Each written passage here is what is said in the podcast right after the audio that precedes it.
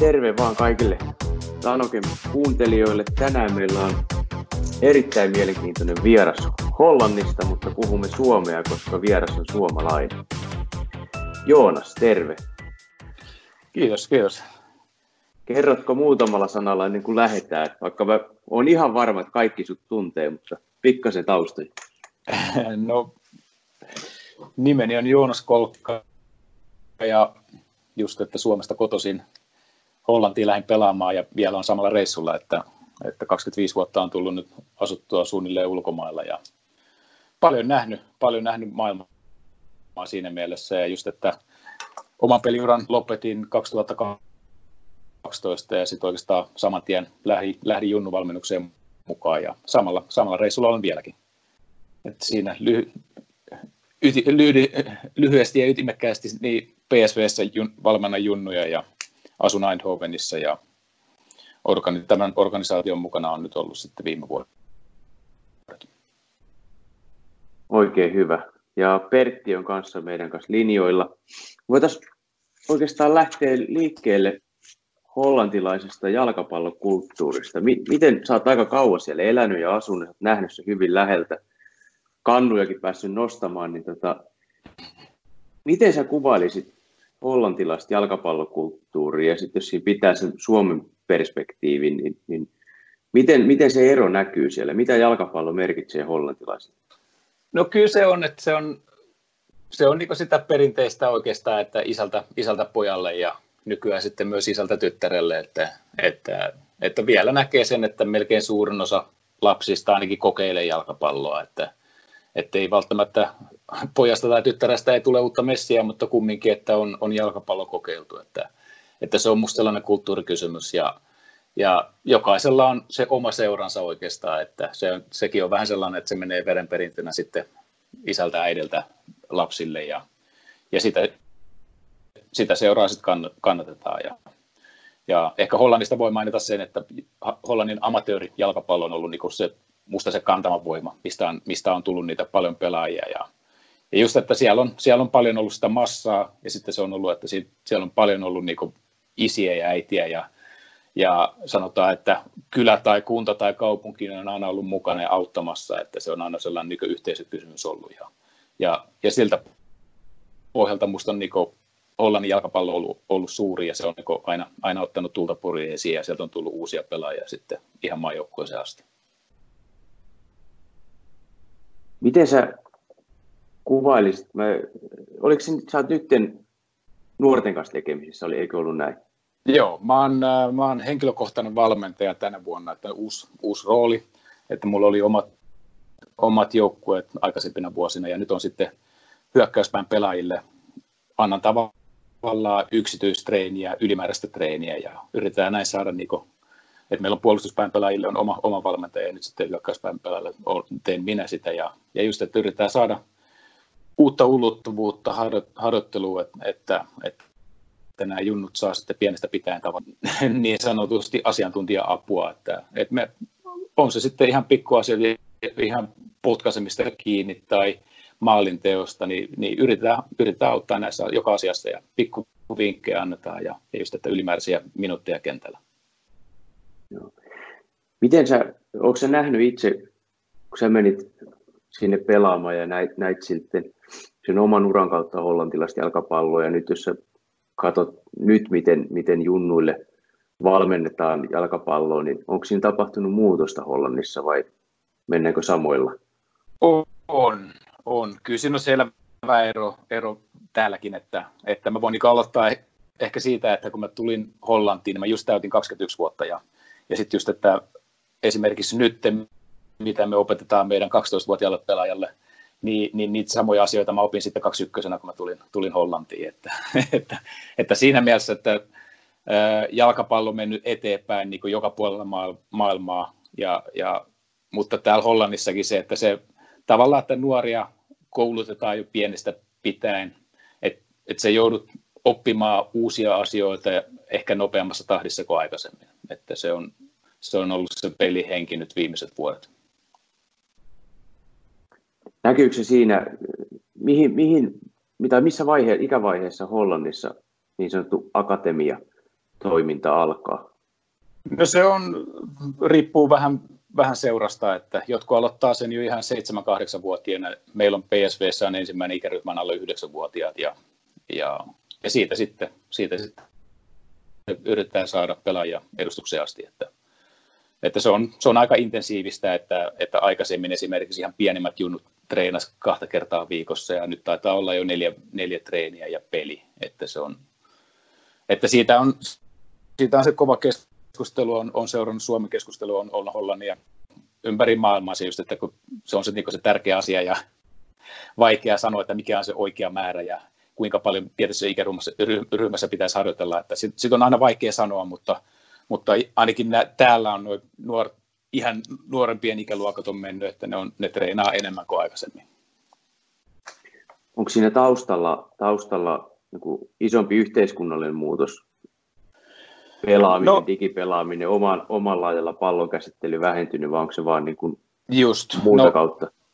Ihan hyvin sanoit sen, että, että siinä on kaikki nämä tullut yhteen, että, että aikaisemmin oli Hollantikin tunnettu siitä, että, että lapset oli puistoissa ja, ja kentillä ja, ja koulujen pihoilla oli, oli koko ajan pelaamassa jalkapalloa. Sitten käytiin vielä illalla joukkuetreeneissä, mutta, mutta se on se, niin se oma toiminen, oma toiminen on ainakin, sitä nyt en ole, en ole tutkimuksia nähnyt, mutta just, että ainakin mitä, mitä omalta kohdalta, niin minun mielestä vähemmän ja vähemmän näkyy pelaajia sitten omalla ajalla, omalla ajalla sitten pelaamassa. Että, että sekin on se osa syy sitten, että, että joukkuetreeniä ollaan lisätty, mutta toisaalta se on myös sitä, että että, että seurat skauttaa pelaajia jo nuorena ja just, että nämä parhaat pelaajat ää, ää, tuodaan yhteen, niin silloin me voidaan myös, myös treenata sanotaanko paremmin ja kovempaa, kun siellä ei ole niin, niin sanottuja eroja niin paljon, mitä aikaisemmin oli.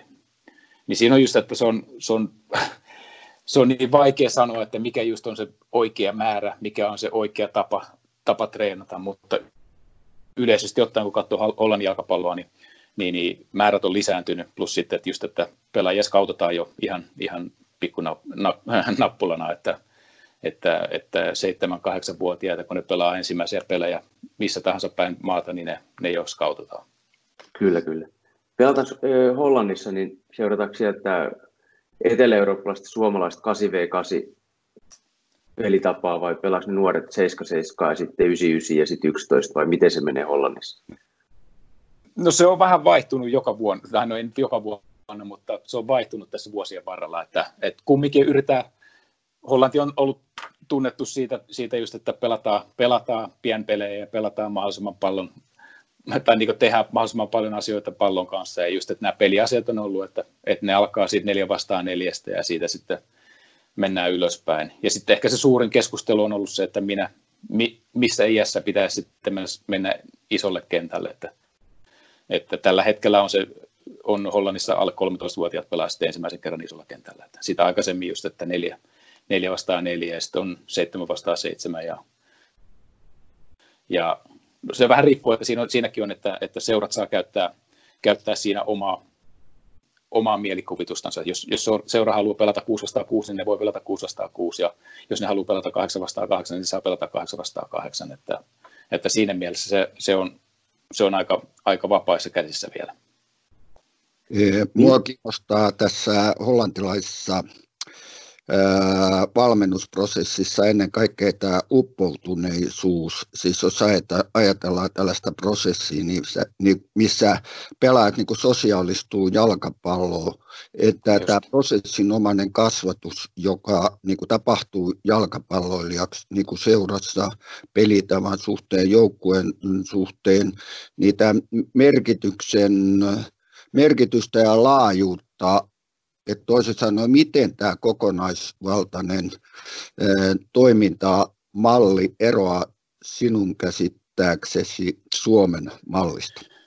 No siinä no puhuttiin tuossa jo siitä kulttuurista, niin ehkä siinäkin on se jo se lähtökohta, että, että täällä on esimerkiksi on, on sitten pienin amatööriporukka, niin niillä on yleensä omat harjoitus, harjoituskentät tai tämä pelikentät, ja siinä on kanttiini keskellä, ja ja oikeastaan koko seura on, on lauantai on pelipäivä, niin koko seura on sitten sitten kanttiinin ympäristössä ja pelikentän ympäristössä, että, että siitä alkaa se kulttuurikysymys jo, että kaikki näkee toisensa ja pikkujunnut näkee isompien junnujen pelaamisen ja isommat junnut näkee, kun pikkujunnut pelaa. Ja, ja siinä on tavallaan, sä, sä kasvat siihen helpolla kiinni sitten, että se on, se on aika, aika opettavaa musta, musta kumminkin niille junnuille, että ne koko ajan näkee, mitä, mitä tapahtuu ja ne tietää, että mitä esimerkiksi sitten parin vuoden päästä tapahtuu ja ne toivoo sitä ja ne, ne oppii siihen, että, että parin vuoden päästä meidänkin pitää olla tossa ja, ja, ja niin se on ehkä se sellainen lähtökohta siihen.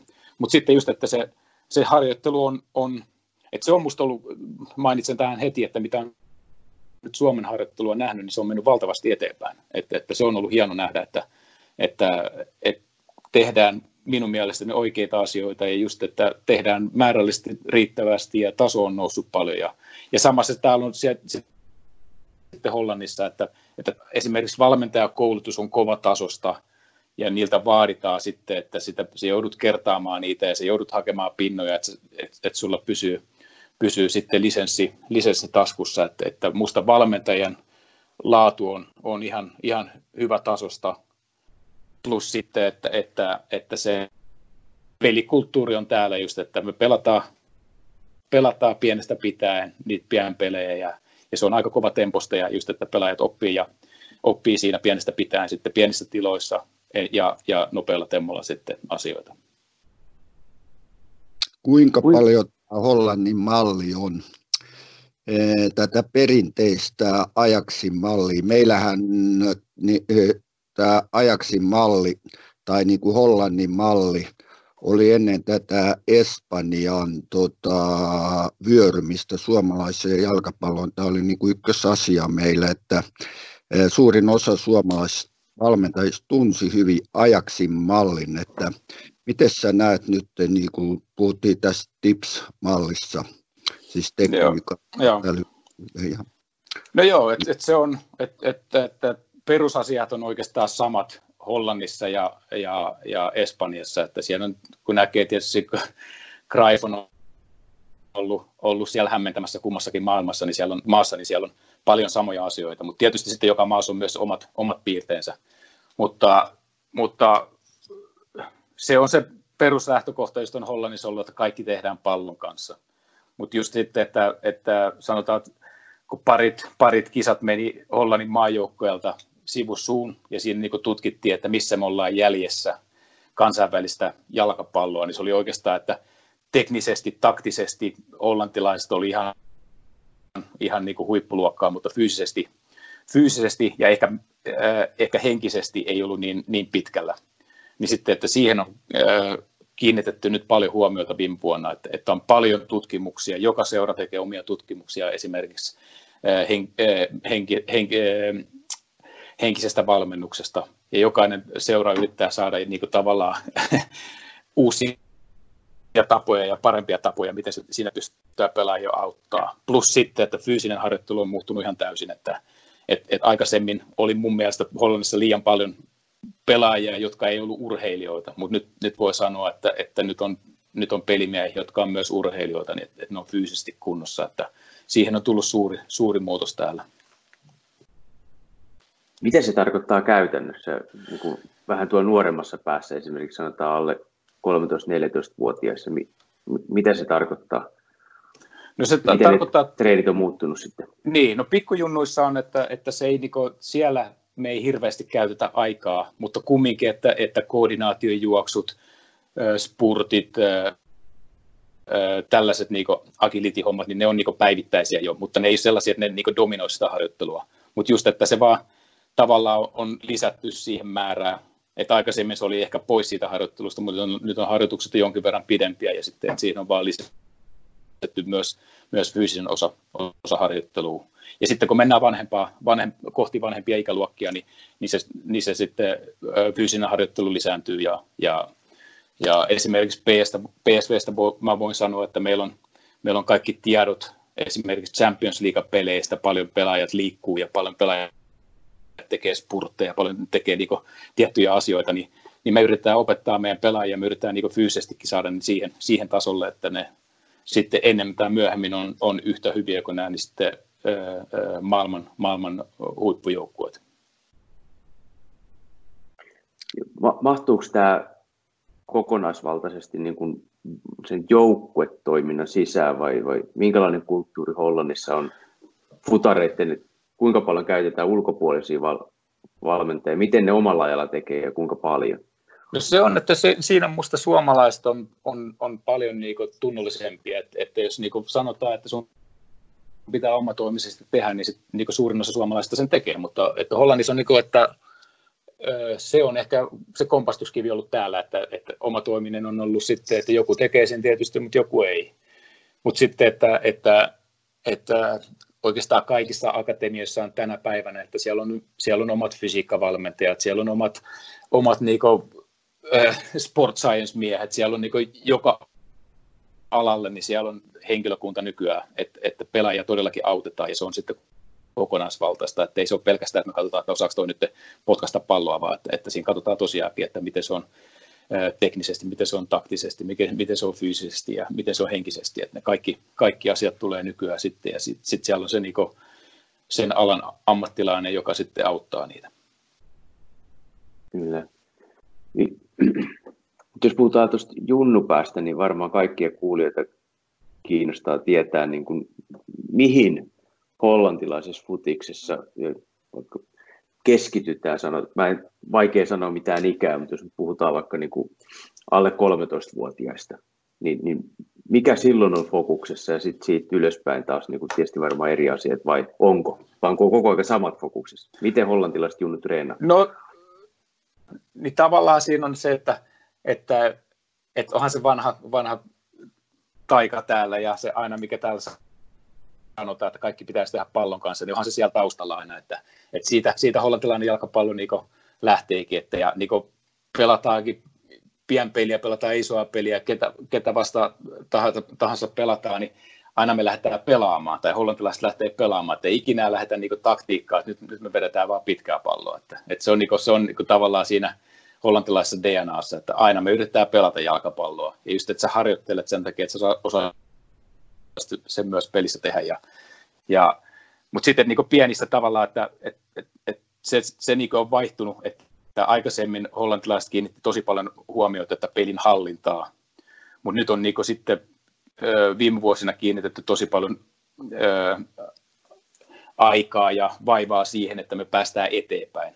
Että se on, niin kuin, siitä on tullut enemmän suoraviivasta myös Hollannissa, että, että, että se ei ole niin enää, enää se niin pelin pelin suola tai se niin tarkoitus, että me hallitaan peliä, vaan se tarkoitus on, että me päästään mahdollisimman nopeasti eteenpäin. Ja, ja siinä, on, siinä on ehkä se sitten myös, myös toinen suuri muutos, mitä on, mitä on viime vuosina täällä tapahtunut, että, että, että kansainvälinen jalkapallo on, on, siitä on tullut nopeampaa ja just, että siitä on tullut fyysisempää ja, ja siinä mielessä hollantilaiset on, on, on, on herännyt siihen, että heidän, heidän pitää myös pysyä tuossa kehityksessä mukana. Joo, meidän toinen asia ajaksin lisäksi, missä hollantilainen jalkapalloilu on tunnettu Suomessa, on tämä körveriläinen taitovalmennussysteemi. Niin mikä sen arvo on tänä päivänä hollantilaisseuroissa ja miten se on muuttunut? No se on just, että vieläkin siitä tietysti puhutaan, mutta sanotaan, että se tulee enemmän sit puhuu ehkä, ehkä kun juttelee amerikkalaisen kanssa tai jonkun muun maalaisen kanssa, niin ne kaikki tuntee Körver-tavan ja tavan treenata. Ja et, et, et meillä se on muuttunut siinä mielessä, että ollaan menty enemmän ja enemmän niin pelin, pelinomaisia suorituksia. Ja mahdollisimman paljon, että esimerkiksi sä, sä harjoittelet käännöstä, niin emme enää jauhota sitä niin 15 minuuttia jauhotaan kään, kääntymistä. Et me yritetään saada se sitten sen muutaman minuutin jälkeen jo sitten mahdollisimman pelinomaiseen tilanteeseen. Et se on ehkä se suurin muutos, että ei, ei, ei tahkota enää sitä helppoa suoritusta öö, öö, tuntitolkulla tai, tai kymmeniä minuuttia, vaan se yritetään saada mahdollisimman nopeasti sitten siihen pelitilanteeseen. Ja sitten siellä ottaa niitä niin samoja, samoja öö, teknisiä suorituksia. Se on, Holland... se on se niin suuri muutos ollut. Hollantilaiset pelaajat on aina niin kuin samastettu pelin ymmärtämiseen. Eli puhuttu intellektuaalisesta pelaajista. Ja tuota, miten tämä näkyy jo lasten valmennuksessa? No, no siitä tulee ehkä se, että tästä, mitä mä sanoin jo, että, että mahdollisimman paljon pelataan. Että just, että, että siinä käsit on vaikea sanoa, että mikä se on se paras, paras tapa, että, että sehän on paljon keskustelua niin Hollannissa kuin ympäri maailmaa, että kuinka paljon sä pystyt niin kuin antamaan uutta tietoa lapsille, että, että lapset pystyy yllättävän paljon ottamaan, ottamaan uusia asioita vastaan, mutta tietysti jos niitä tulee liikaa, niin, niin se ei tosiaankaan ole hyvä asia, mutta just, että, ää, et, että pelataan, pelataan ja yritetään saada niitä suorituksia sitten, että, että, että jos näitä teknisiä suorituksia, taktisia suorituksia, niin me yritetään saada ne vaan, vaan siihen no, mahdollisimman nopeasti mukaan näin pelinomaisiin suorituksiin, niin, niin, niin, niin, se on ehkä se sitten, että, että just, että, että, että minkä takia sitten hollantilaiset tai Hollannissa on monesti niin sanottuja älykkäitä pelaajia tai luovia pelaajia. Joo, tähän liittyy, mitä itse seurasin, kun ajaksi kävi ihan meillä Tanokessakin useamman kerran Bronkin johdolla vetämässä näitä koulutuksia tai leirejä, niin puhuttiin paljon tästä kommunikaatiossa ja hollantilaiset pelaajat niin kuin kommunikoivat varmasti enemmän kuin suomalaiset ja on tehneet sitä aina, aina tuota, mistä sä näet tämän niin kuin johtuvan. Silloin kiinnitin, tai tämä on siinä mielessä erittäin mielenkiintoinen asia, koska tänään mä viimeksi niin katson näitä meidän pelaajien syöttelyä, niin silloin, tai mitä mä Hollannissa olen itsekin käynyt, niin siellä puututtaa, puututtiin ja ilmeisesti vieläkin puututaan tota, siihen syöttöihin asennoitumiseen, kommunikoitiin, syötön tarkkuuteen, että se on niin valtavan tärkeä, pyhä asia ollut siellä. Että tässä on mun mielestä niin valtavan suuri ero, miten sä näet tämän? Kyllä, pitää täysin paikkaansa. Että esimerkiksi eilen oli meidän treenit, ja nyt kun on, on vielä sitten korona, korona-aika, niin ei vielä saatu pelata, pelata pelejä, niin meillä oli aika monta syöttöharjoitusta siihen, siinä niin tässä on, että todellakin siihen, siihen kiinnitetään paljon huomiota, että syöttönopeuteen ja se tulee niin oikealle jalalle, että, että ei se ole niin siihen, siihen ää, väärälle puolelle, että et, et, et se on niin kuin, että pelaajat sen oikeastaan ihan pienenä ja oppii, mutta just, että ne kuulee sen vielä miljoona kertaa ennen kuin ne, ennen kuin ne edes pääsee yrittämään sitten edustusjoukkueeseen. Että se on just, että miten sanoit, se on melkeinpä pyhä asia, että, että siihen kiinnitetään kyllä paljon huomiota. Että, että, ja se on sitten, että se on myös kulttuurikysymys, että, että se vaatimustaso on sitten kovempi mikä Suomessa, että Suomessa valmentajat katsoo sen liian usein sormien läpi, että, että okei, no tällä kertaa ei ollut ihan hyvä, mutta täällä siitä oikeastaan kuulee heti. Jos sanat hyvän syötön, niin sä, sä kuulet, että se oli hyvä syöttö, mutta jos, jos on huono syöttö, niin sä kuulet myös siitä. Ja, ja sitten myös, mikä, mikä ehkä suure, suuri syy tai suuri ero Suomeen on, on, että pelaajat vaatii täällä paljon enemmän myös toisilta kuin esimerkiksi Suomessa. Että Suomessa ollaan monesti ihan hiljaa, joku antaa ihan älyttömän huonon syötön, mutta täällä se kuulet myös pelaajilta, niin pelaajilta, että hei, mikä tämä syöttö on, että teppä se paremmin. Että, että siinä mielessä vaatimustaso on, on erilainen ja sekin on just sellaista kulttuuriasiaa, mikä, mikä pitää saada paremmaksi Suomessa, että myös pelaajat vaatii toisilta enemmän. Eikö toi tuu siihen kulttuuriin, että, että, että kulttuuri sallii pelaajien vaatia toisiltaan? Sehän Joo, ei oikein et... suomalaiseen kulttuuriin kuulu, että se katsotaan heti kierroissa, joku vaatii toiselta jotakin. No totta, että, että, että, siinä, on, niin kuin, että siinä on vielä musta tärkeä pointti, mikä Suomessa, Suomessa pitää saada niin kuin, selvästi eteenpäin, että, että et, et, et se on niin, niin tärkeä asia, että, että jos sä pelaat huonosti, niin, niin, niin tietysti siinä pitää pelikaverin nähdä, että ehkä, ehkä, ehkä nyt, nyt auttaa, että mä annan sille niin taputuksen selkää, että nyt, nyt mennään paremmin, mutta, mutta joskus, joskus pitää myös uskaltaa sanoa, että mitä helvettiä sä nyt teet, että nyt, nyt, nyt vaan kinttua, nyt vaan liikettä, liikettä niveliin, että, että muuten me hävitään tämä peli. Ja, ja just, että, että sitä, sitä kuulee Suomessa liian vähän.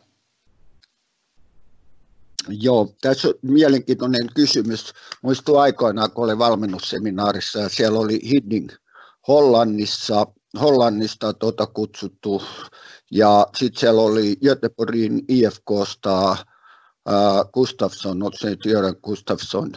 Ja ne sitten rupesivat siellä kesken oikein tosissaan kinastelemaan, kun Hidding esitti tätä Hollannin mallia, että miten tiukasti pelaat siellä tämä valmennusprosessi niin toteutetaan. Ja sitten tämä Gustafsson totesi vaan siihen, että Ruotsissa ei voisi toimia näin, että valmentaja ei voisi toimia näin. Ja siitä sitten alkoi se keskustelu. Eli kysynkin nyt siitä, että miten sä näet niin tämän tyylisen asian tämän päivän Hollannissa, että kuinka paljon se on tiukempi tässä suhteessa se hollantilainen. Puhutaan ihan valmennuskurista ja miten pelaajille viestitään ja niin poispäin, koska varmaan pohjoismaiset skandinaaviset valtiot eroavat tässä.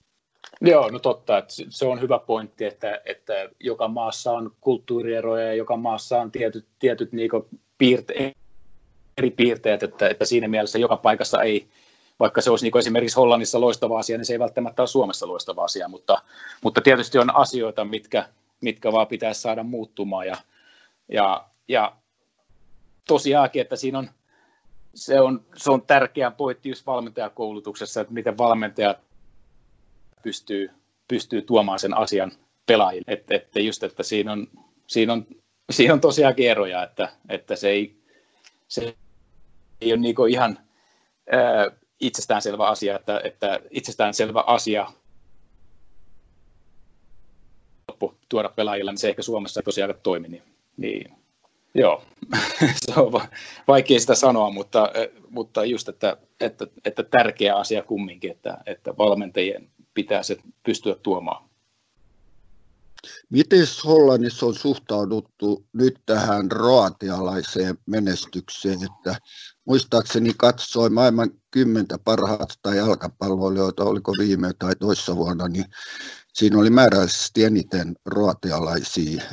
Ja, niin Hollanti ja Roatiahan on, molemmat on suhteellisen pieniä valtioita. Joo, joo. Niin, niin, niin, eli mihin tässä viittaan, niin sitten taas tällöin Tanokea aikaa, mennään 10-15 vuotta takaperin, niin Hollanti tuotti ylivoimaisesti eniten pelaajia Eurooppaa.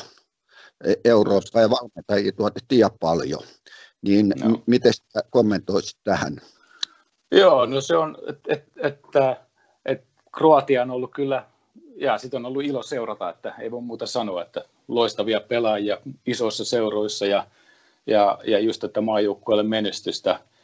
Hollannista voi sanoa sen, just, että, just minkä mainitsit, että parikymmentä vuotta sitten niin hollantilaisia pelaajia oli, oli joka puolella maailmaa ja kovissa seuroissa ja maajoukkue pärjäsi. Sitten tuli tavallaan huonompi vaihe ja just, että, että onneksi, onneksi hollantilaisetkin heräsi siihen, että, että, että, täällä oltiin liian kauan tavallaan napit auki, että, että mehän ollaan maailman huipulla ja meillä on aina hyviä pelaajia ja että, että siinä vaan pitää siinä kehityksessä pysyä mukana. Että hollantilaiset tuudutti vaan siihen omaan systeemiin, että me näin me tehdään sen, näin, näillä me ollaan pärjätty, mutta, mutta just, että jalkapallo kehittyy nopeasti koko ajan, niin siinä vaan pitää pysyä mukana. Ja, ja just, että hollantilaiset on, on muuttanut sitä, että, että aikaisemmin oli niin esimerkiksi, kun puhutaan 4-3-3, niin sehän on tavallaan, että kaikki puhuvat, että Hollannissa pelataan 4-3-3, mutta nykyään se ei ole enää, ei ole pyhä asia täällä, että nykyään me kehitetään pelaajia, että sä oot niin laita pelaaja, niin sä tiedät, että, että jos me pelataan 4-4-2, mitä sä, mitä sä teet, jos me pelataan 4-3-3, sä tiedät, mitä sä teet siinä samalla paikalla.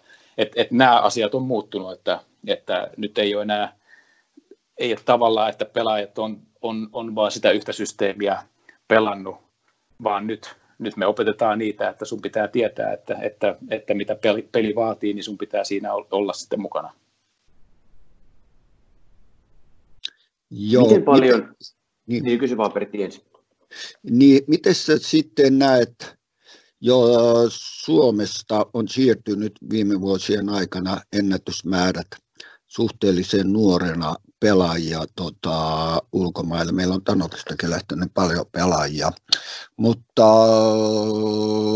Hollannin suuntaa ei ole viime vuosien aikana ollut niin – niin, niin suurta siirtoa. Se oli muistaakseni, onko Jensenien jälkeen, ketä sieltä on nyt niin kuin siirtynyt.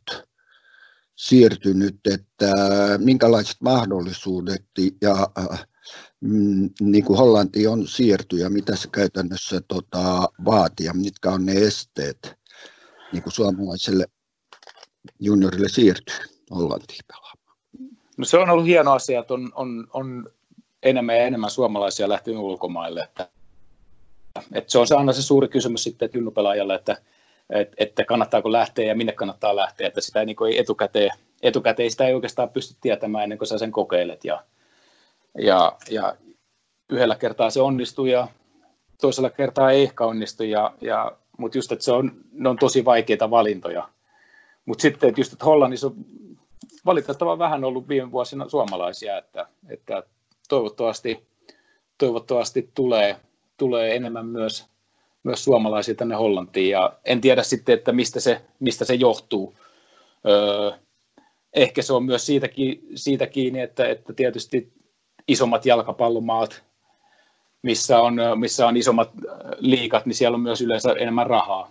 Niin se on, se on monesti myös sitten, että ulkomaalainen pelaaja kun tulee, niin, niin, niin vaikka, vaikka pelaaja ei siitä hirveitä palkkioita vielä saa, mutta kumminkin kun, kun laskee kaikki yhteen, että, että asunnot ja joku auttaa siinä ja tällaiset, niin, niin, niin, niin, niin hollantilaiset ei ole, ei ole siinä mielessä ehkä, ehkä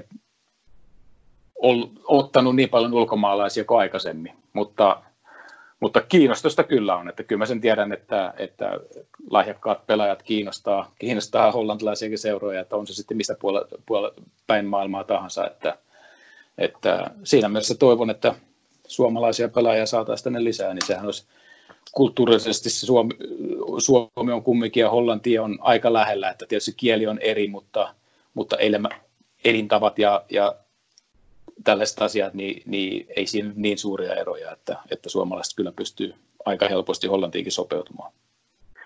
Tuossa voisi jatkokysymys oikeastaan, jos ajatellaan tänne suomalainen perhe nyt ja, ja hänen valmentajat, poika on tulossa 16-17-vuotiaaksi, haluaisi vaikka PSV, niin mi, minkälainen tämän pelaajan pitää olla, että PSV pääsee sen ikäisen poika? Mitkä ominaisuudet pitää olla niin kuin, ja millä tasolla? No sehän on se vanha totuus oikeastaan, että sun pitää olla parempi kuin mitä junnuja meillä täällä on, että, että, että tavallaan eihän, eihän ulkomaalta hankita pelaajia, jos sä, oot, jos sä oot heikompi kuin omat pelaajat, tai jos sä oot samalla viivalla, kun siinä on kumminkin, jos sä oot ulkomaalainen, pitää sopeutua, ja kaikki koulut ja asumukset, asun, asunnot ja tällaiset pitää sitten hankkia, että, että se, on se, se on se vaikea asia, ja, ja Hollannin tällä hetkellä PSV, Ajax, Feyenoord, AZ, juniorikoulut on kyllä kovalla tasolla, että sinne, on, sinne pitää olla vaan sen verran kova tyyppi sitten, että pystyy, pystyy itsensä kiilaamaan. Niin, meillähän oli tästä meidän koulusta Saku Ylätupa ää, ajaksissa, ja sekin Kyllä. oli aika merkittävä tässä ää, suomalaisessa, suomalaisessa tota, jalkapallon juniorivalmennuksessa niin kuin sillä tavalla, kun huomioidaan se Ajaksin akatemia taso. Joo, joo. Joo, se on, että et, et, et tavallaan, että et, et vaikka puhutaan Ajaksista ja PSVstä ja Feyenoordista, niin ei se kumminkaan ole, verrattavissa nimenä Manchester Unitediin tai Liverpooliin tai Real Madridiin, mutta mutta sen mä uskallan kumminkin sanoa, että junioritaso on, on, on monesti jopa parempaa kuin siellä, Ni, niin siinä mielessä ei, ei, ei varmaan kannata niinku, niitä nimiä alkaa kumartelemaan, mutta, mutta just, että se on vaikea päästä, että, että Hollanti on tunnettu siitä junioritoiminnasta ja, ja sen myös näkee siitä, että se on kova tasosta ja, ja sieltä just, että, että meilläkin on meidänkin pitää olla varovainen koko ajan, että sieltä ei pelaajia sitten lähde, lähde ulkomaille, koska kumminkin just, että ulkomailta on, on, on rahallisesti on aina, aina suurimmat houkutukset täällä Hollannissa. Onko Hollannissa ollut, ollut tämmöistä, en nyt sano nimiä, mutta tuolla Etelä-Euroopan tietyissä maissa, että omat juniorit 16-vuotiaana rupeaa lähteä pois, koska sinne aikuisten ykkösjoukkueeseen on tuntuu olevan niin vaikea murtautua. Onko Hollannissa tämmöistä kulttuuria No meillä, on, Joo, no kato, meillä oli aikaisemmin oli se ongelma, että kun pelaajat täytti 16 vuotta, niin lähti Englantiin, kun englantilaiset äh, maksu sanotaan kaksi, kolme, neljä kertaa enemmän kuin mitä, mitä me maksettiin junnuilla.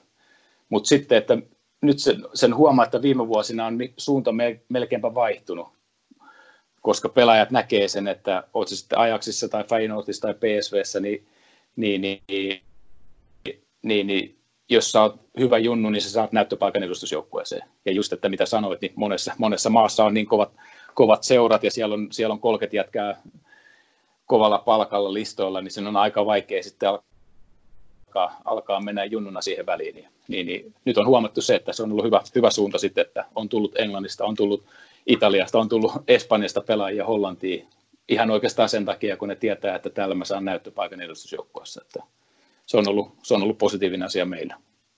Tämä varmaan kiinnostaa suomalaisia, että tuota, koulun, perheen ja tämä akatemian suhde toisiinsa, miten ne on kietoutuneet teidän Joo, se on ollut, että se on, että mäkin olen nyt tässä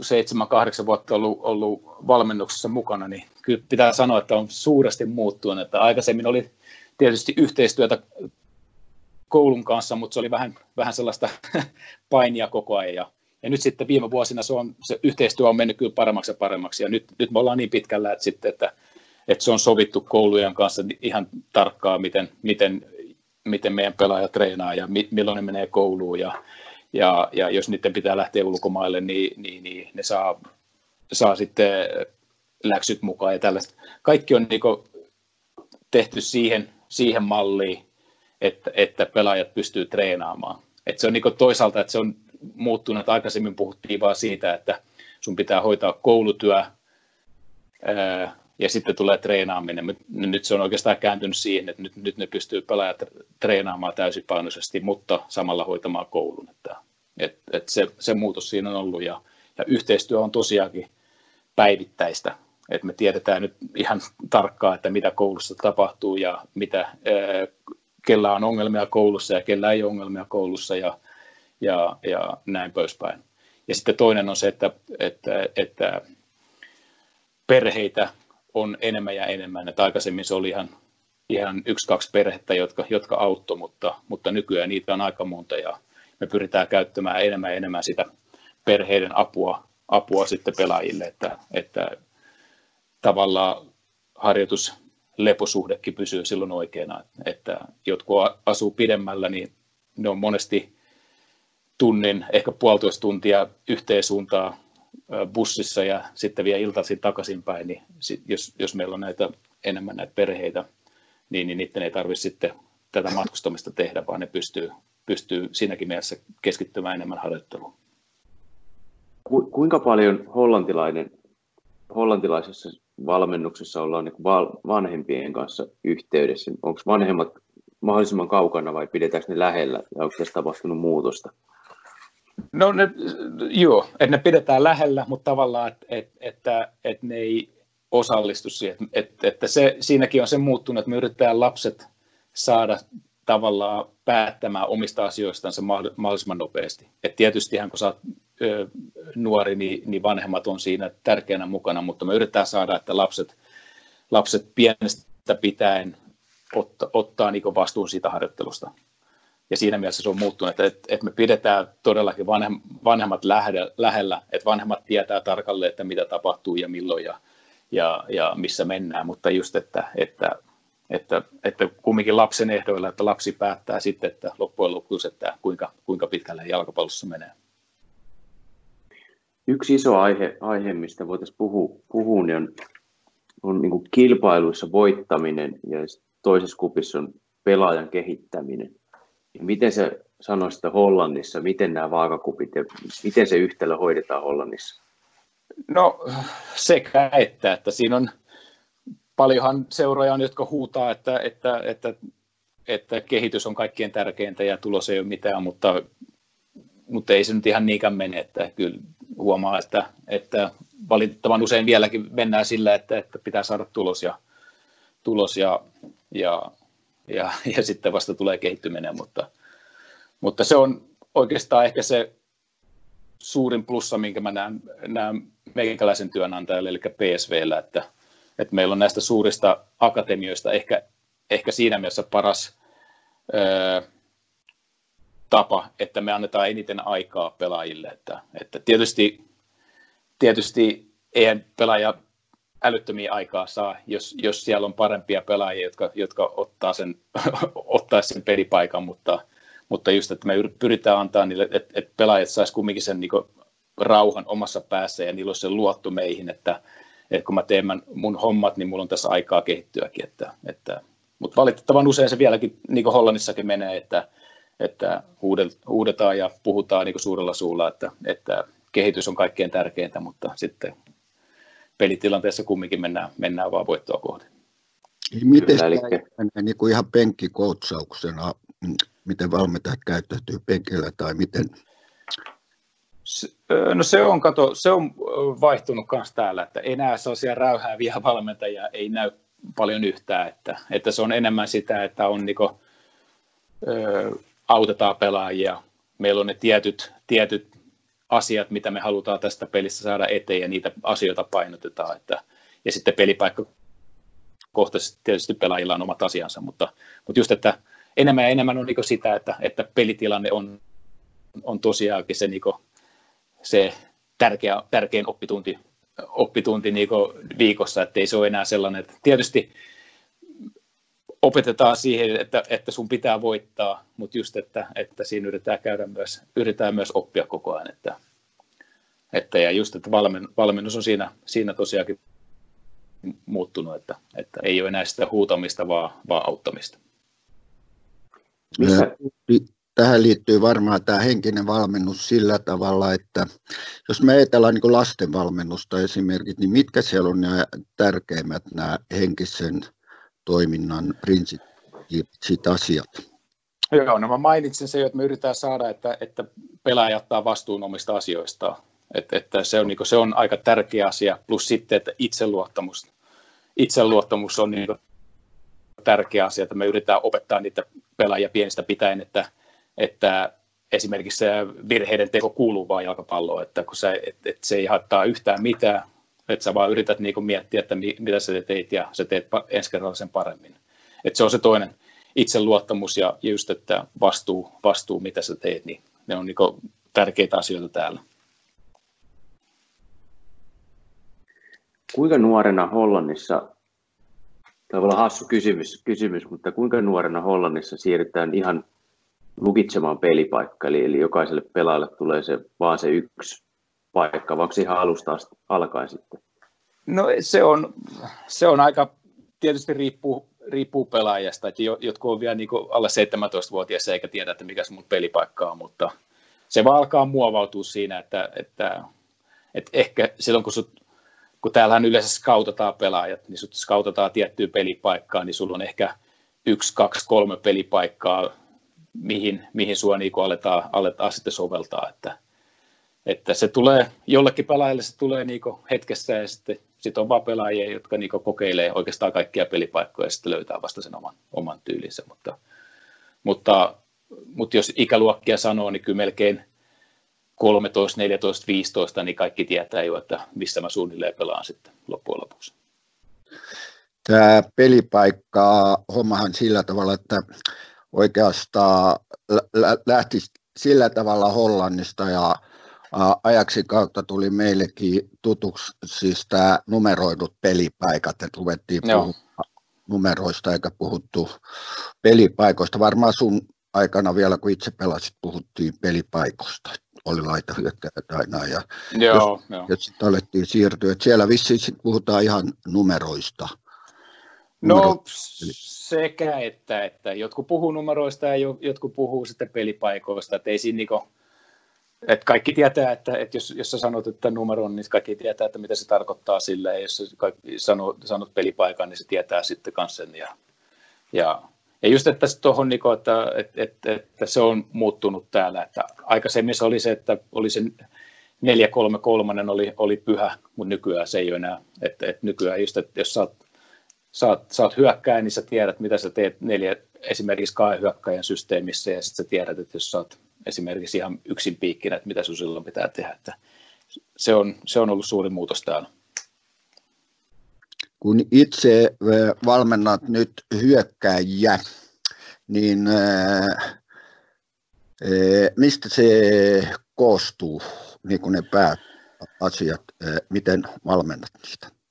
Joo, no siinä on, riippuu aina tietysti vähän ikäryhmästä, mutta, mutta oikeastaan, että, että on, on laitapelaajat, on, on laitapuolustajat, on, on hyökkäävät keskikentät ja on, on hyö, hyökkäjät sitten, että, että per pelipaikka tietysti tulee näitä tiettyjä asioita ja sitten on myös, myös tietysti paljon samoja asioita, että, että, että hyökkäjälle yritetään saada mahdollisimman erilaisia tilanteita, mistä se, mistä se tekee sen maalin, että se on, niin kuin, että se on yhdellä kosketuksella tai se on, se on sitten kuljetuksesta tai, tai eri kulmista ja laitapelaajille sitten on, että, että laitapelaajien pelaaminen on, on muuttunut esimerkiksi viime vuosina, että aikaisemmin oltiin, oltiin sivurajassa kiinni ja sieltä tehtiin sitten, sieltä tehtiin sitten kikat ja keskitys, mutta nykyään se on, että, että ollaan, ollaan paljon niin enemmän pelissä mukana.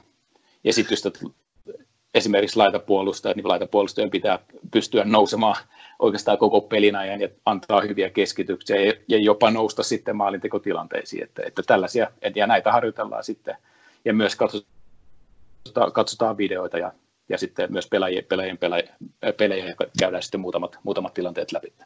Jos mä kysyisin näin sitten, että tässä espanjalaisessa taktisessa mallissa tai pelikäsitysmallissa, me tiedetään, että se on jaettu hyvin pieniin osiin, eli me puhutaan Joo, näistä konsepteista, ja, eli peli mennään analysoidaan hyvin, hyvinkin tota, tarkasti.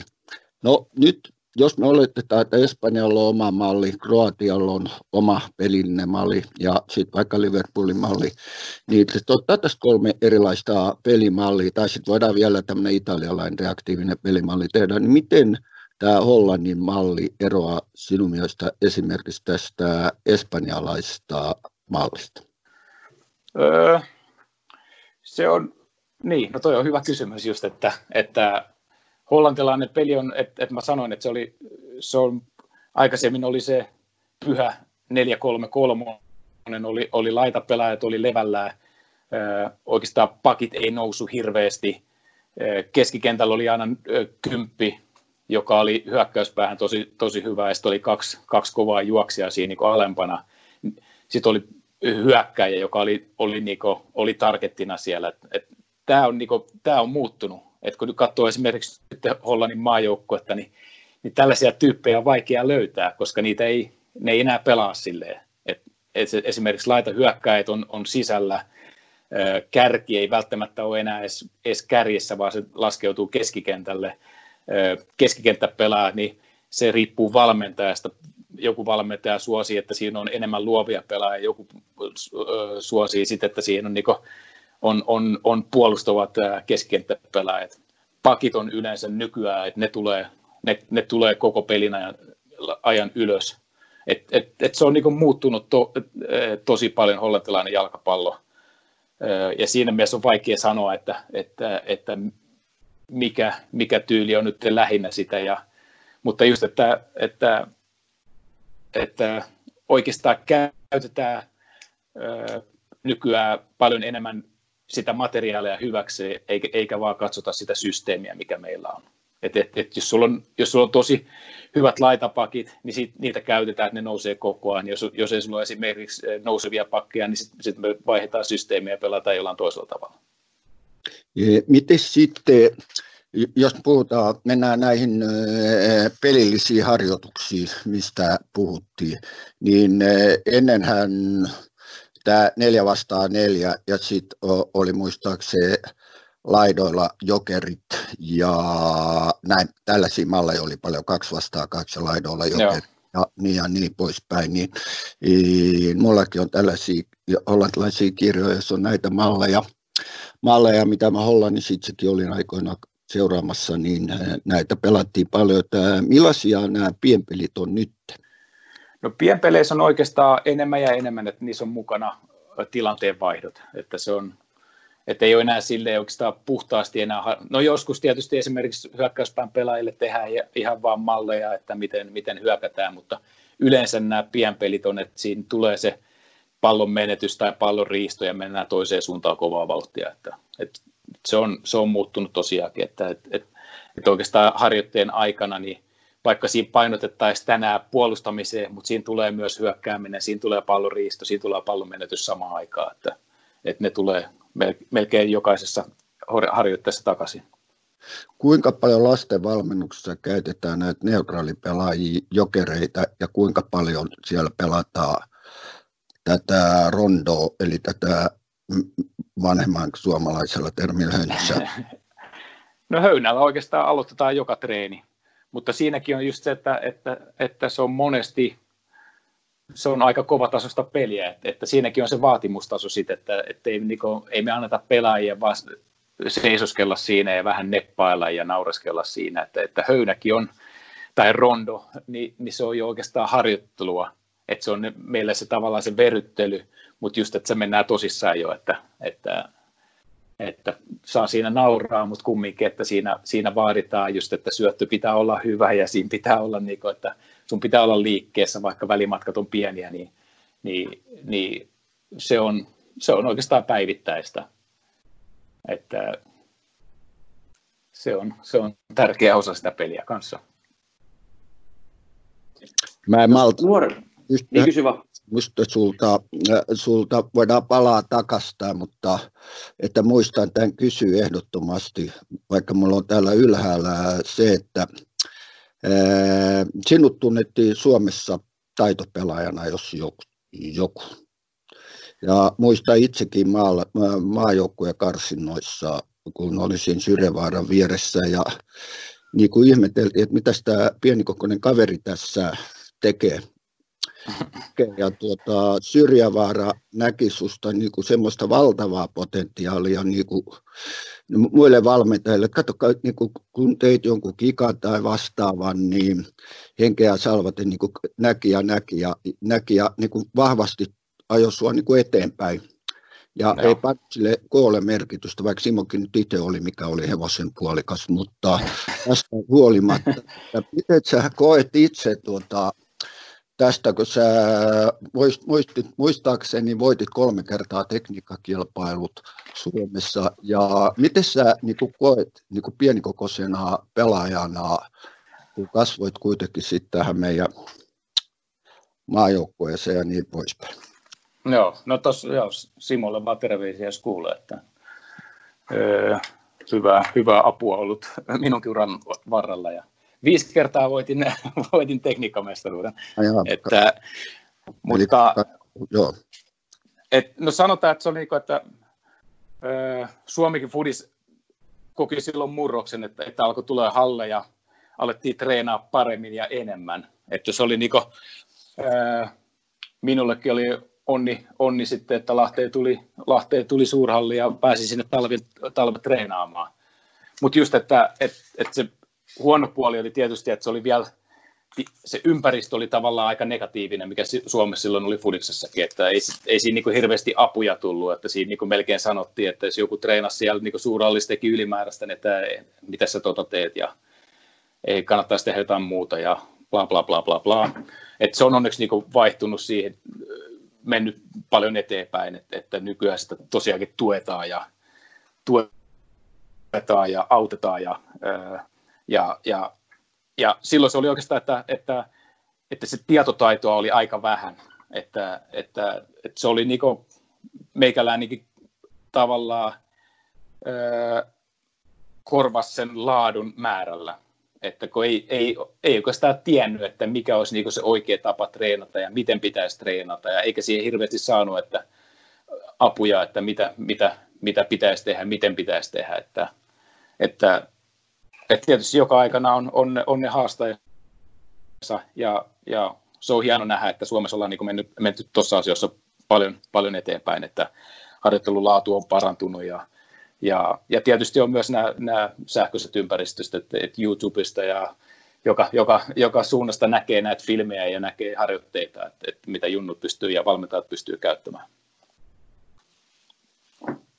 Joo, ja tässä oli varmaan niin sulla kuin Litmasella, Rautiaisella ja niin poispäin, niin tämä isän merkitys tai vanhempien merkitys, niin se on varmaan ollut ihan valtava vai kuinka? Joo, kyllä, kyllä. Ja tuossa oli sun kysymys oli vielä siitä, että, että joo, että mä, mä olin pian kokonen, niin, niin, niin ei, se, ei se todellakaan, ei siitä apua ollut silloin, silloin junnoissa, että just, että, että, että tietää sen suomalaisen huudon, että kovempaa, kovempaa, niin, niin siihen, siihen tottu kyllä, ja, ja just, että jos sä oot pieni kokonen, niin ei se niin kuin, silloin helppoa pelaaminen, mutta, mutta just, että vanhempien, vanhempien apu oli, oli todella tärkeää, että, että se on se tuki ja turva ja pystyt kysymään. Ja, ja, ja just, että se ainoa ongelma tietysti just, että mitä mä sanoin, että, että sit tietotaitoa ei, ei silloin hirveästi ollut, että, että, että se, on, se on hyvä asia nyt, että, että ollaan, ollaan paljon pidemmällä sitten Suomessa jalkapalloasioissa. Tuosta oikeastaan tulee mieleen, miten sä näet, kuinka tärkeänä puhdas tekninen taitavuus pallon kanssa hollantilaisessa jalkapallossa tällä hetkellä on, että pystyy, pystyy pärjäämään siellä mukana ja kasvamaan kohti pelaajaa? No se on se, on se sitten Hollanti tai mikä maa tahansa, niin se on se perusasia, että jos, jos sä et ole tarpeeksi taitava, niin sun on aika vaikea sitä korvata sitten muilla asioilla. Sitten sun pitää olla tosiaankin ihan huippu jossain, että joku on tietysti fyysisesti niin valtava, valtavan hu, huippunopea tai, tai vahva tai mikä tahansa nyt onkaan, että, että se pystyy korvaamaan sillä, mutta sit se, se, niin se perustaito, niin se on niin siinä pelissä vaan se, se on niin se tärkein asia. Ja just, että, että sitä pitäisi sitten ja vaan mahdollisimman nopeasti jalostaa siihen niin pelisuoritukseen.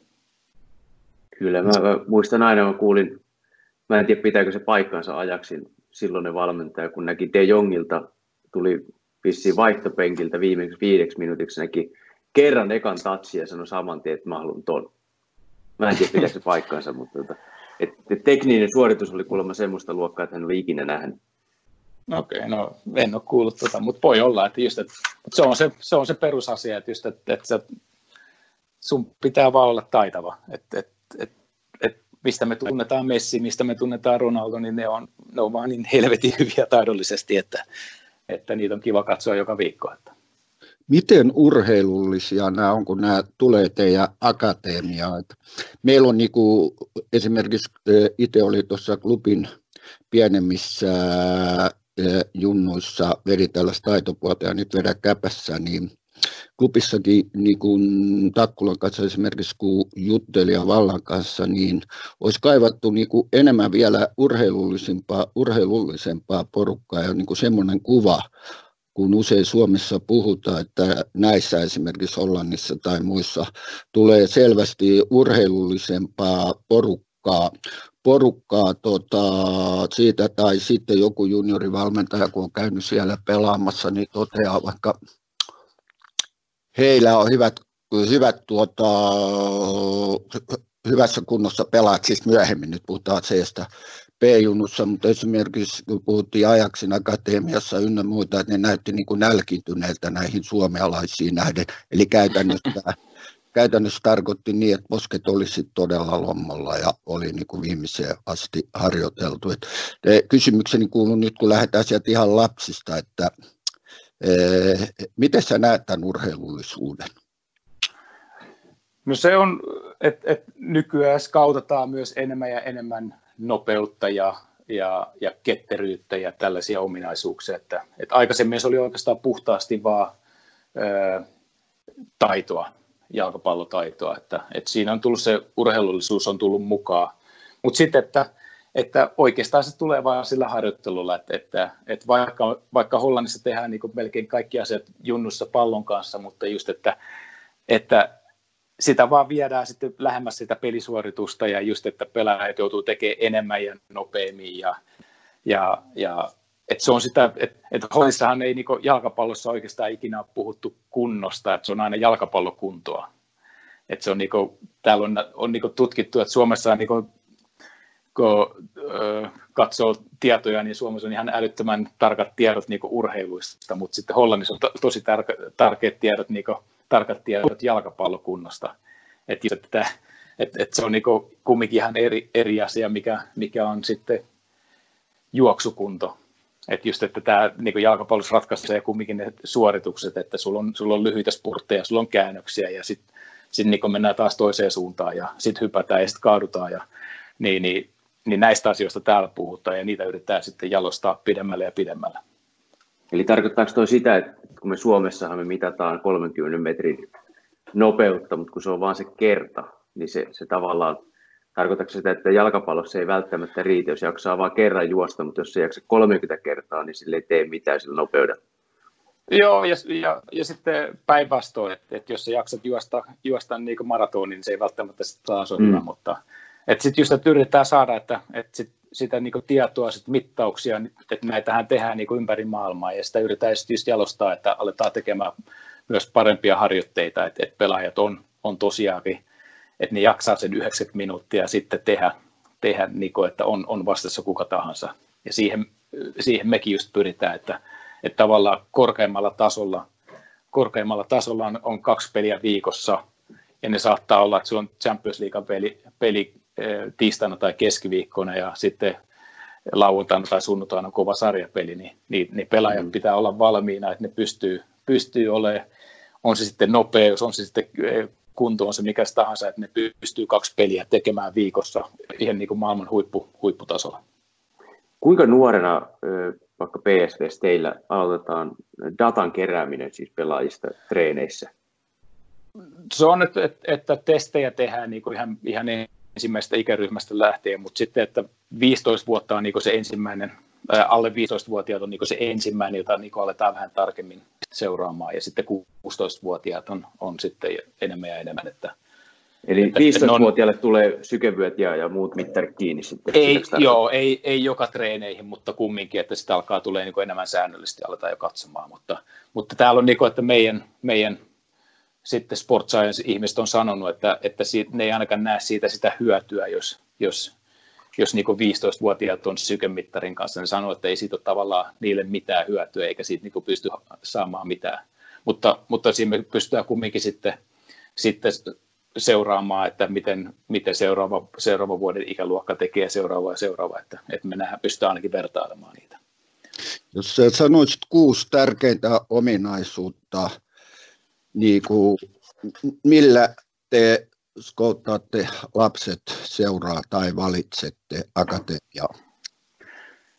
Öö, no onkohan kuusi melkein liian paljon. Että se on se taito on ensinnä, ensinnä, mitä katsotaan. Ja tietysti sitten, että, että, että joskus on vaikea sanoa, että on esimerkiksi kahdeksanvuotias pelaaja, että, että mikä peli paikka sillä on oikea, mutta, mutta just tavallaan, jos on, jos on hyökkäyspään pelaaja, niin tietysti yritetään katsoa, että, että sitä hyökkäyspään, mitä se tekee siinä niin hyökkäyspäässä, että, että taidollisesti, mutta sitten siihen tulee just se äly, peliäly jo mukaan, että tajuuko se peliä. Ja, ja, mutta tässä on just, että tämä on, se, tämä on se kaikkein suurin kysymys ainakin mulle jalkapallossa, että kenestä tulee sitten huippupelejä ja kenestä ei, että, että, että voin vastata aikana sun tuohon kysymykseen, että sit, niin just, että katsotaan taitoa, sitten katsotaan, että mitä se mitä sen pääkopassa on, tai yritetään katsoa, että mitä, miten se on, ymmärtääkö se sen pelin, ja sitten just näitä ominaisuuksia, että et, luovuttaako se vai eikö luovuta. Nämä on kumminkin tärkeitä, haluatko se voittaa.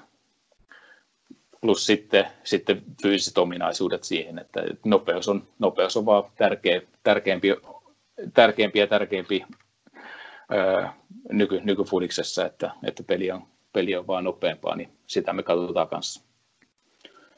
Mutta just, että palaan tuohon vielä sen, että, että, että, että niitä on skautteja on niin paljon ja kaikki on olevina ja suurella suulla, mutta kukaan ei kumminkaan pysty sanomaan yhdeksänvuotiaasta pelaajasta, että tuleeko siitä huippupelaaja vai ei tule. Että, että vaikka, vaikka se olisi testeissä huonoa, niin se voi olla, että siitä tulee kumminkin se paras pelaaja. Niin, niin siinä, siinä mielessä se on aika, aika vaarallista mun mielestä nuorella pelaajalla, nuorista pelaajista sanoa, että tuosta tulee pelaaja ja tuosta ei tule pelaaja. Miten isot teillä nuoret ryhmät muuten on? Tästä tuli vaan mieleen nyt sitten. Öö, no esimerkiksi PSV on sellainen systeemi, että meillä on neljä. Eindhovenin ympäristössä on yhteensä neljä alle 9-vuotiaiden porukkaa, alle, alle 90 ja 11-vuotiaiden porukkaa. Ja sitten niistä kerätään sitten loppujen lopuksi yksi, yksi joukkue. Että et, et, onko niitä sitten sanotaan 50 per, per ikäryhmä, ja niistä yritetään saada sitten se, se lopullinen, lopullinen, tai sanotaan sitten kokoonpano alle 13-vuotiaiden. Ajaksilla taitaa olla käytössä, onko niillä kaksi, kaksi ryhmää per, per ikä, ikä, ikävuosi. Ja monta pelaajaa per niin kuin ryhmässä sanoit? Onko, siis tarkoitatko 50 per vai? Niin, no näissä pienissä, mutta sitten, sitten meillä on esimerkiksi 13 ylöspäin, niin on vain yksi, yksi joukkue. Ja sitten se, ne, on ollut, ne on ollut aika pieniä, pieniä ryhmiä, että esimerkiksi viime vuonna oli vielä 13-vuotiaassa, oliko siinä 15 pelaajaa ja kaksi maalivahtia. Et, että, se on et aika pieni. Se, Joo, no se pelaa isoa peliä kuitenkin jo. Joo, että se on se, se hyvä puoli on siinä, ja ajatus siinä on se takana, että, että, että, että kun niitä on niin vähän niitä pelaajia, niin ne pelaa tosi paljon. Että et, et, et sä pelaat joka pelissä minuutteja ja, ja sä saat tosi paljon sitten vuoden aikana peliminuutteja. Et se on se ajatus siinä, mutta, mutta nyt me ollaan, me ollaan vähän nostamassa noiden ryhmien kokoja, että et ne menee muutama, muutama enemmän per ryhmä, niin silloin me pystytään pela, pelata myös säännöllisesti harjoituspeliä tiistaina tai keskiviikkona. Y- ymmärsinkö oikein, että teillä ei ole näin, niin kuin näin suomalaisilla lähes jokaisella seuralla, ehkä onkin jokaisella seuralla, niin e, teillä ei ole näitä harrastasojoukkoita, jotka käyttää 13 ylöspäin teidän nimeä? Ei ole, ei ole. PSV on ainoastaan, ainoastaan tavallaan edustus, edustusryhmät. Joo, joo. Tässä, tästä on niin kuin sillä mielellä, kun sanotaan paljon eh, Suomessa, on puhuttu siitä, että meillä on haluttu niin tuottaa liikuntapalveluita, niin kuin jalkapalloseurat tuottaa liikuntapalveluita. Itsekin olin just kirjoittamassa siitä ää, blogia, niin, niin, niin, niin, niin, ja silloin tuota, voisi ajatella näin, kun priorisoituu, että tehän olette silloin ihan puhtaasti priorisoitunut kilpajalkapalloiluun ja vain kilpajalkapalloiluun, niin, niin, niin, ja otatte myös siitä varmaan sitten sen edun niin kuin organisaation priorisoinnin tuota, kannalta. Tässä on, tässä on niin kuin kuulijoille varmaan iso ero Suomen, Suomen nähdä. Joo, no se on, että se on niin kuin, toi on niin kaksi riippunen asia, että se on just, että mitä sanot, että se hieno ja hyvä asia on, että, että meillä on ne edustusjoukkueet ja just, että, että, että esimerkiksi 13-vuotiaat ja 14-vuotiaat treenaa tällä hetkellä ja 15-vuotiailla ei ole treeniä, niin 15-vuotiaiden valmentajat pystyy tulemaan sinne apuun. Et, et, että meillä on tosi paljon valmentajia kentällä niin tässä, niin, ja ne kaikki auttaa toisia. Me nähdään, miten ne eri ikä, ikäryhmissä pelataan.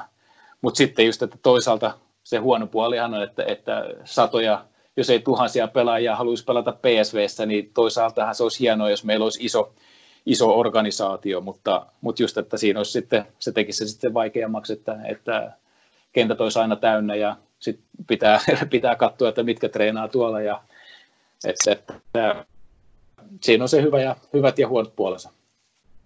Miten suuri vaihtuvuus, tai onko, en tiedä, onko julkista tietoa, mutta ylimalkaan, niin miten suuri vaihtuvuus, jossa U13 mennään vaikka sitten U18, niin pysyykö ne samat kaverit siinä mukana vai, vai miten paljon ne vaihtuu sitten matkalla?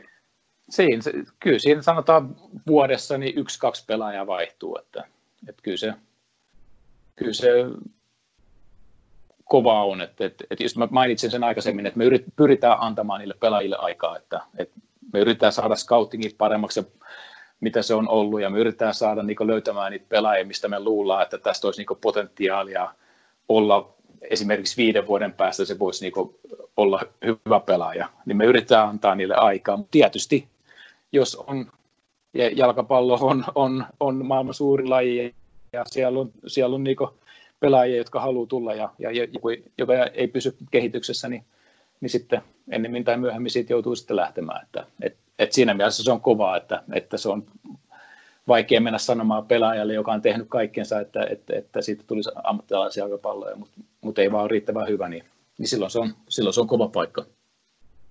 tapahtuuko tällaista niin kesken yhden kauden vai onko se, onko se yleensä niin kuin aina kun kausi vaihtuu vai miten Joo. Hollannissa toimitaan?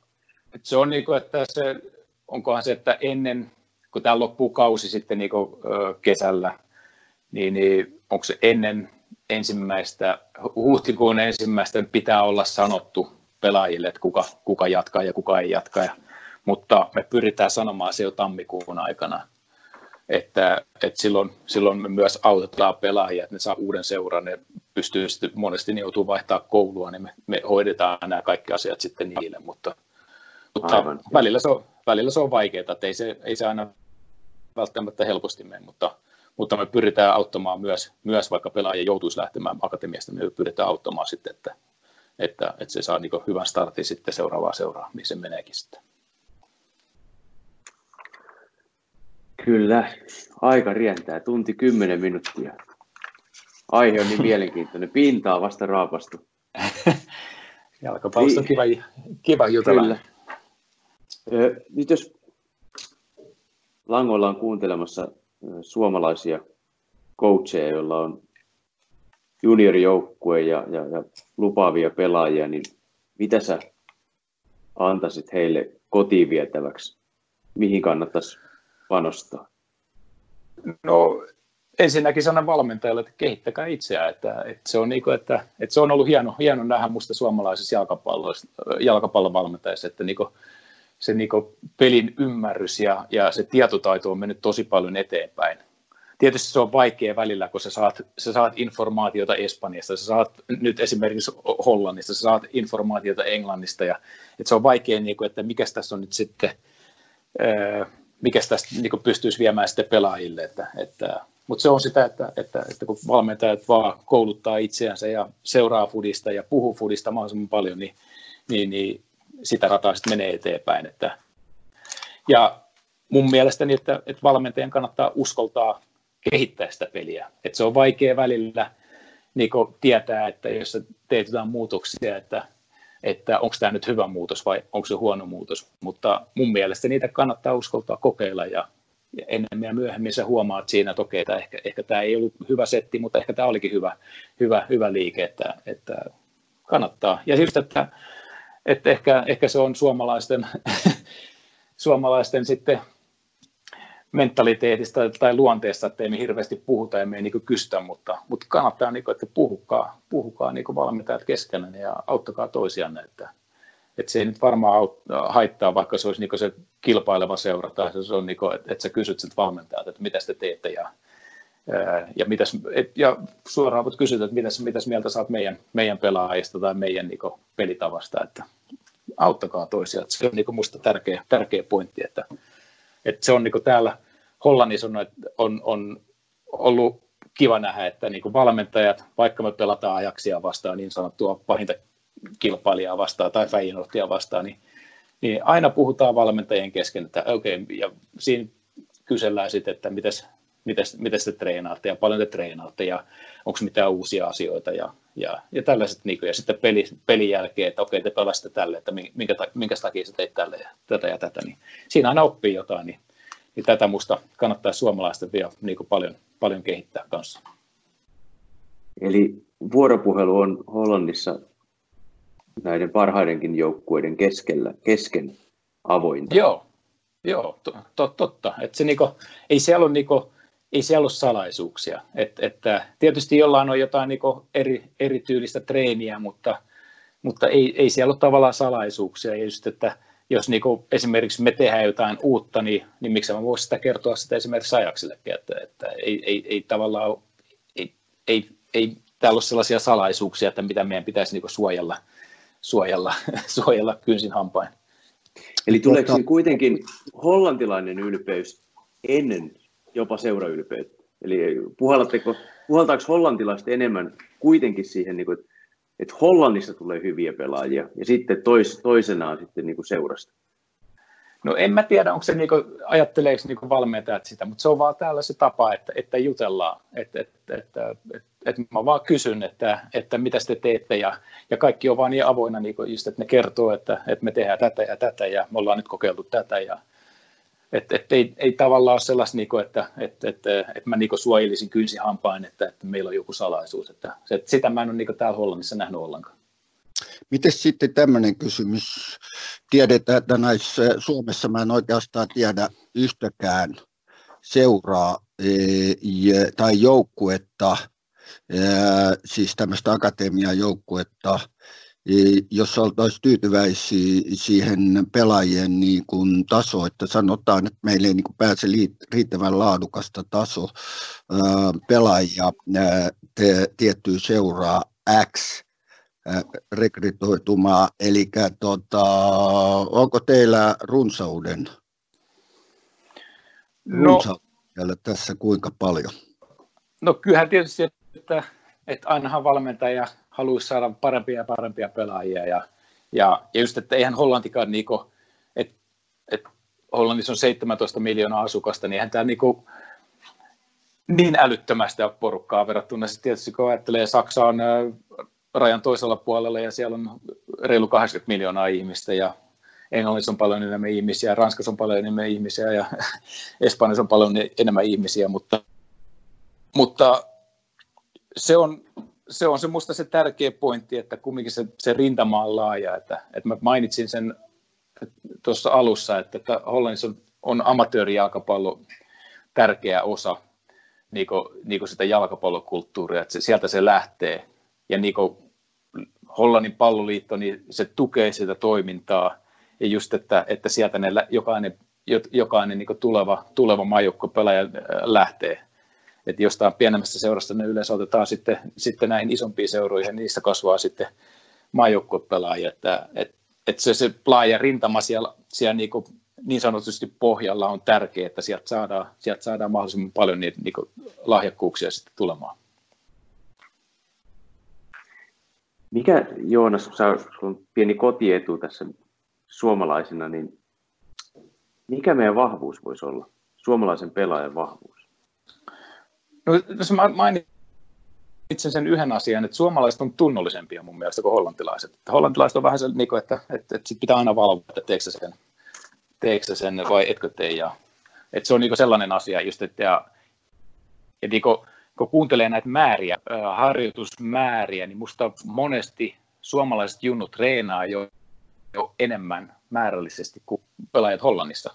Että, että, että se ei tosiaankaan huono asia, mutta just, että sitten kun me saataisiin sitä vielä niin joukkuevalmennuksen ja harjoittelun tasoa nostettua ja sitten esimerkiksi auttaa vielä enemmän näitä pelaajia, että ne tietää paremmin ja paremmin, mitä kannattaa treenata, niin, niin, niin niin, niin mä veikkaan, että Suomesta tosiaankin tulee enemmän ja enemmän ö, hyviä pelaajia Euroopan sarjoihin. Kysytä nyt tähän loppuun vielä, että mitkä on sun tulevaisuuden visiot, tavoitteet ja päämäärä? No toi on hyvä, että, että äh, mulla on yksi vuosi sopimusta nyt PSVn kanssa. On viihtynyt tosi hyvin täällä. Joka nyt on 7-8 vuotta takana ja joka vuosi tämä loppii kumminkin uutta, että siinä vielä mielessä on ollut tyytyväinen, mutta, mutta ei mulla ollut oikeastaan sitä hirveätä hinkua lähteä niin, niin sanotusti ammattilaisjalkapalloa kohti, että, että en, ole, en ole ainakaan tällä hetkellä hinkuamassa, että musta tulisi jos, jossain päävalmentaja. Että, että eihän sitten ikinä tiedä, että miten, miten, miten elämä potkii, mutta, mutta tällä hetkellä on ainakin tyytyväinen junnuvalmennuksen parissa. Siitä on moni juniori varmasti iloinen. No se on, se on tavallaan, että se niinku, sehän olisi kiva lähteä kohti, kohti niinku edustusjoukkuetta ja mennä niinku kohti voittoja, sanotaanko näin, että se voittaminen on tietysti mitä kaikki haluaa ja mikä on kivaa, mutta, mutta kyllä se niin hieno, hieno tunne on juniorivalmennuksen parissa, kun pystyy auttaa pelaajia ja, ja näkee, kun ne kehittyy, niin kyllä se ainakin mulle, mulle ainakin antaa hyvän tunteen. Kuinka paljon Hollannissa on juniorivalmentaja parrasvaloissa? Öö, no eipä voi sanoa, että parrasvaloissa on, mutta, mutta kyllä seurat mun mielestä hoitaa asiat ihan, ihan hyvin. Että, että tietysti rahallisesti junnuvalmennus ei täälläkään ää, niin kiinnostavaa ole, mutta, mutta mutta, mutta tietysti täällä on se sitten, jos, jos sä kehityt, kehityt valmentajana ja meet kohti, kohti ammattilaiskenttiä, niin, niin onhan se, onhan se myös, myös aikamoinen mahdollisuus täällä. Kyllä. Ai. Kiitoksia Joonas, tämä oli, tämä oli huippu. Mä luulen, että me saadaan Eipä vielä kestä. toistekin puhua, puhua. Päästään vielä syvemmälle asioihin ja kiitos Pertti. Joo, kiitoksia, oli todella kiva jutella. Joo, kiitos.